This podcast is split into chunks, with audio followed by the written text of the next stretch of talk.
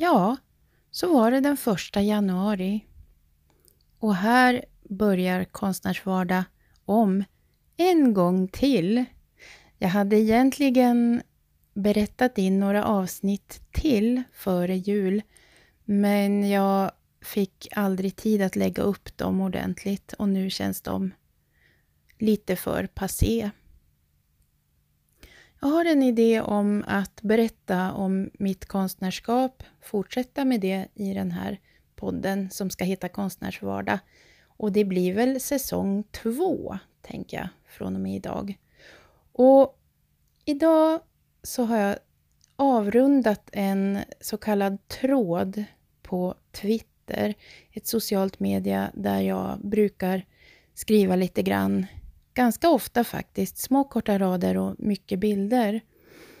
Men eh, bäst som jag skrev den där tråden så kom jag på att allt det här, det blev 30 punkter långt eh, som handlade då om varje punkt var en sak, ett område som jag behöver göra och arbeta med i mitt konstnärskap under 2020.